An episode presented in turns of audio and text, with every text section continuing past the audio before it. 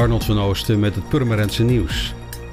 De provincie Noord-Holland ziet de fusie tussen Purmerend en Beemster met vertrouwen tegemoet en gaat als provinciale staat akkoord gaat met haar zienswijze in juni een positief advies hierover naar de minister van Binnenlandse Zaken sturen.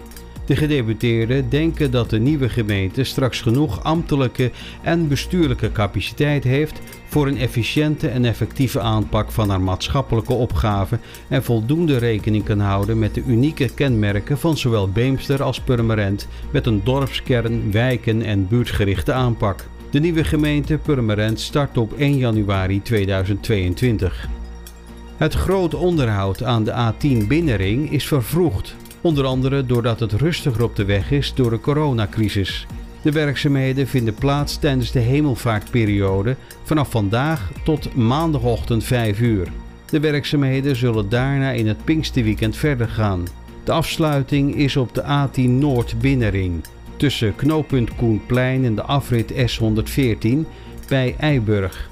Ook de tussenliggende aansluitingen zijn afgesloten. De A10 buitenring blijft wel gewoon open.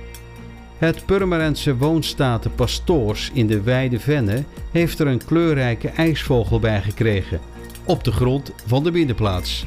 Het 3D-kunstwerk is gemaakt door Riane de Kaat. Riane heeft de vogel geschilderd speciaal voor de verjaardag van de 79-jarige Joop ten Klei. Joop kan door de corona en een zwakkere gezondheid helaas niet meer zijn hobby uitoefenen: het bekijken van vogels.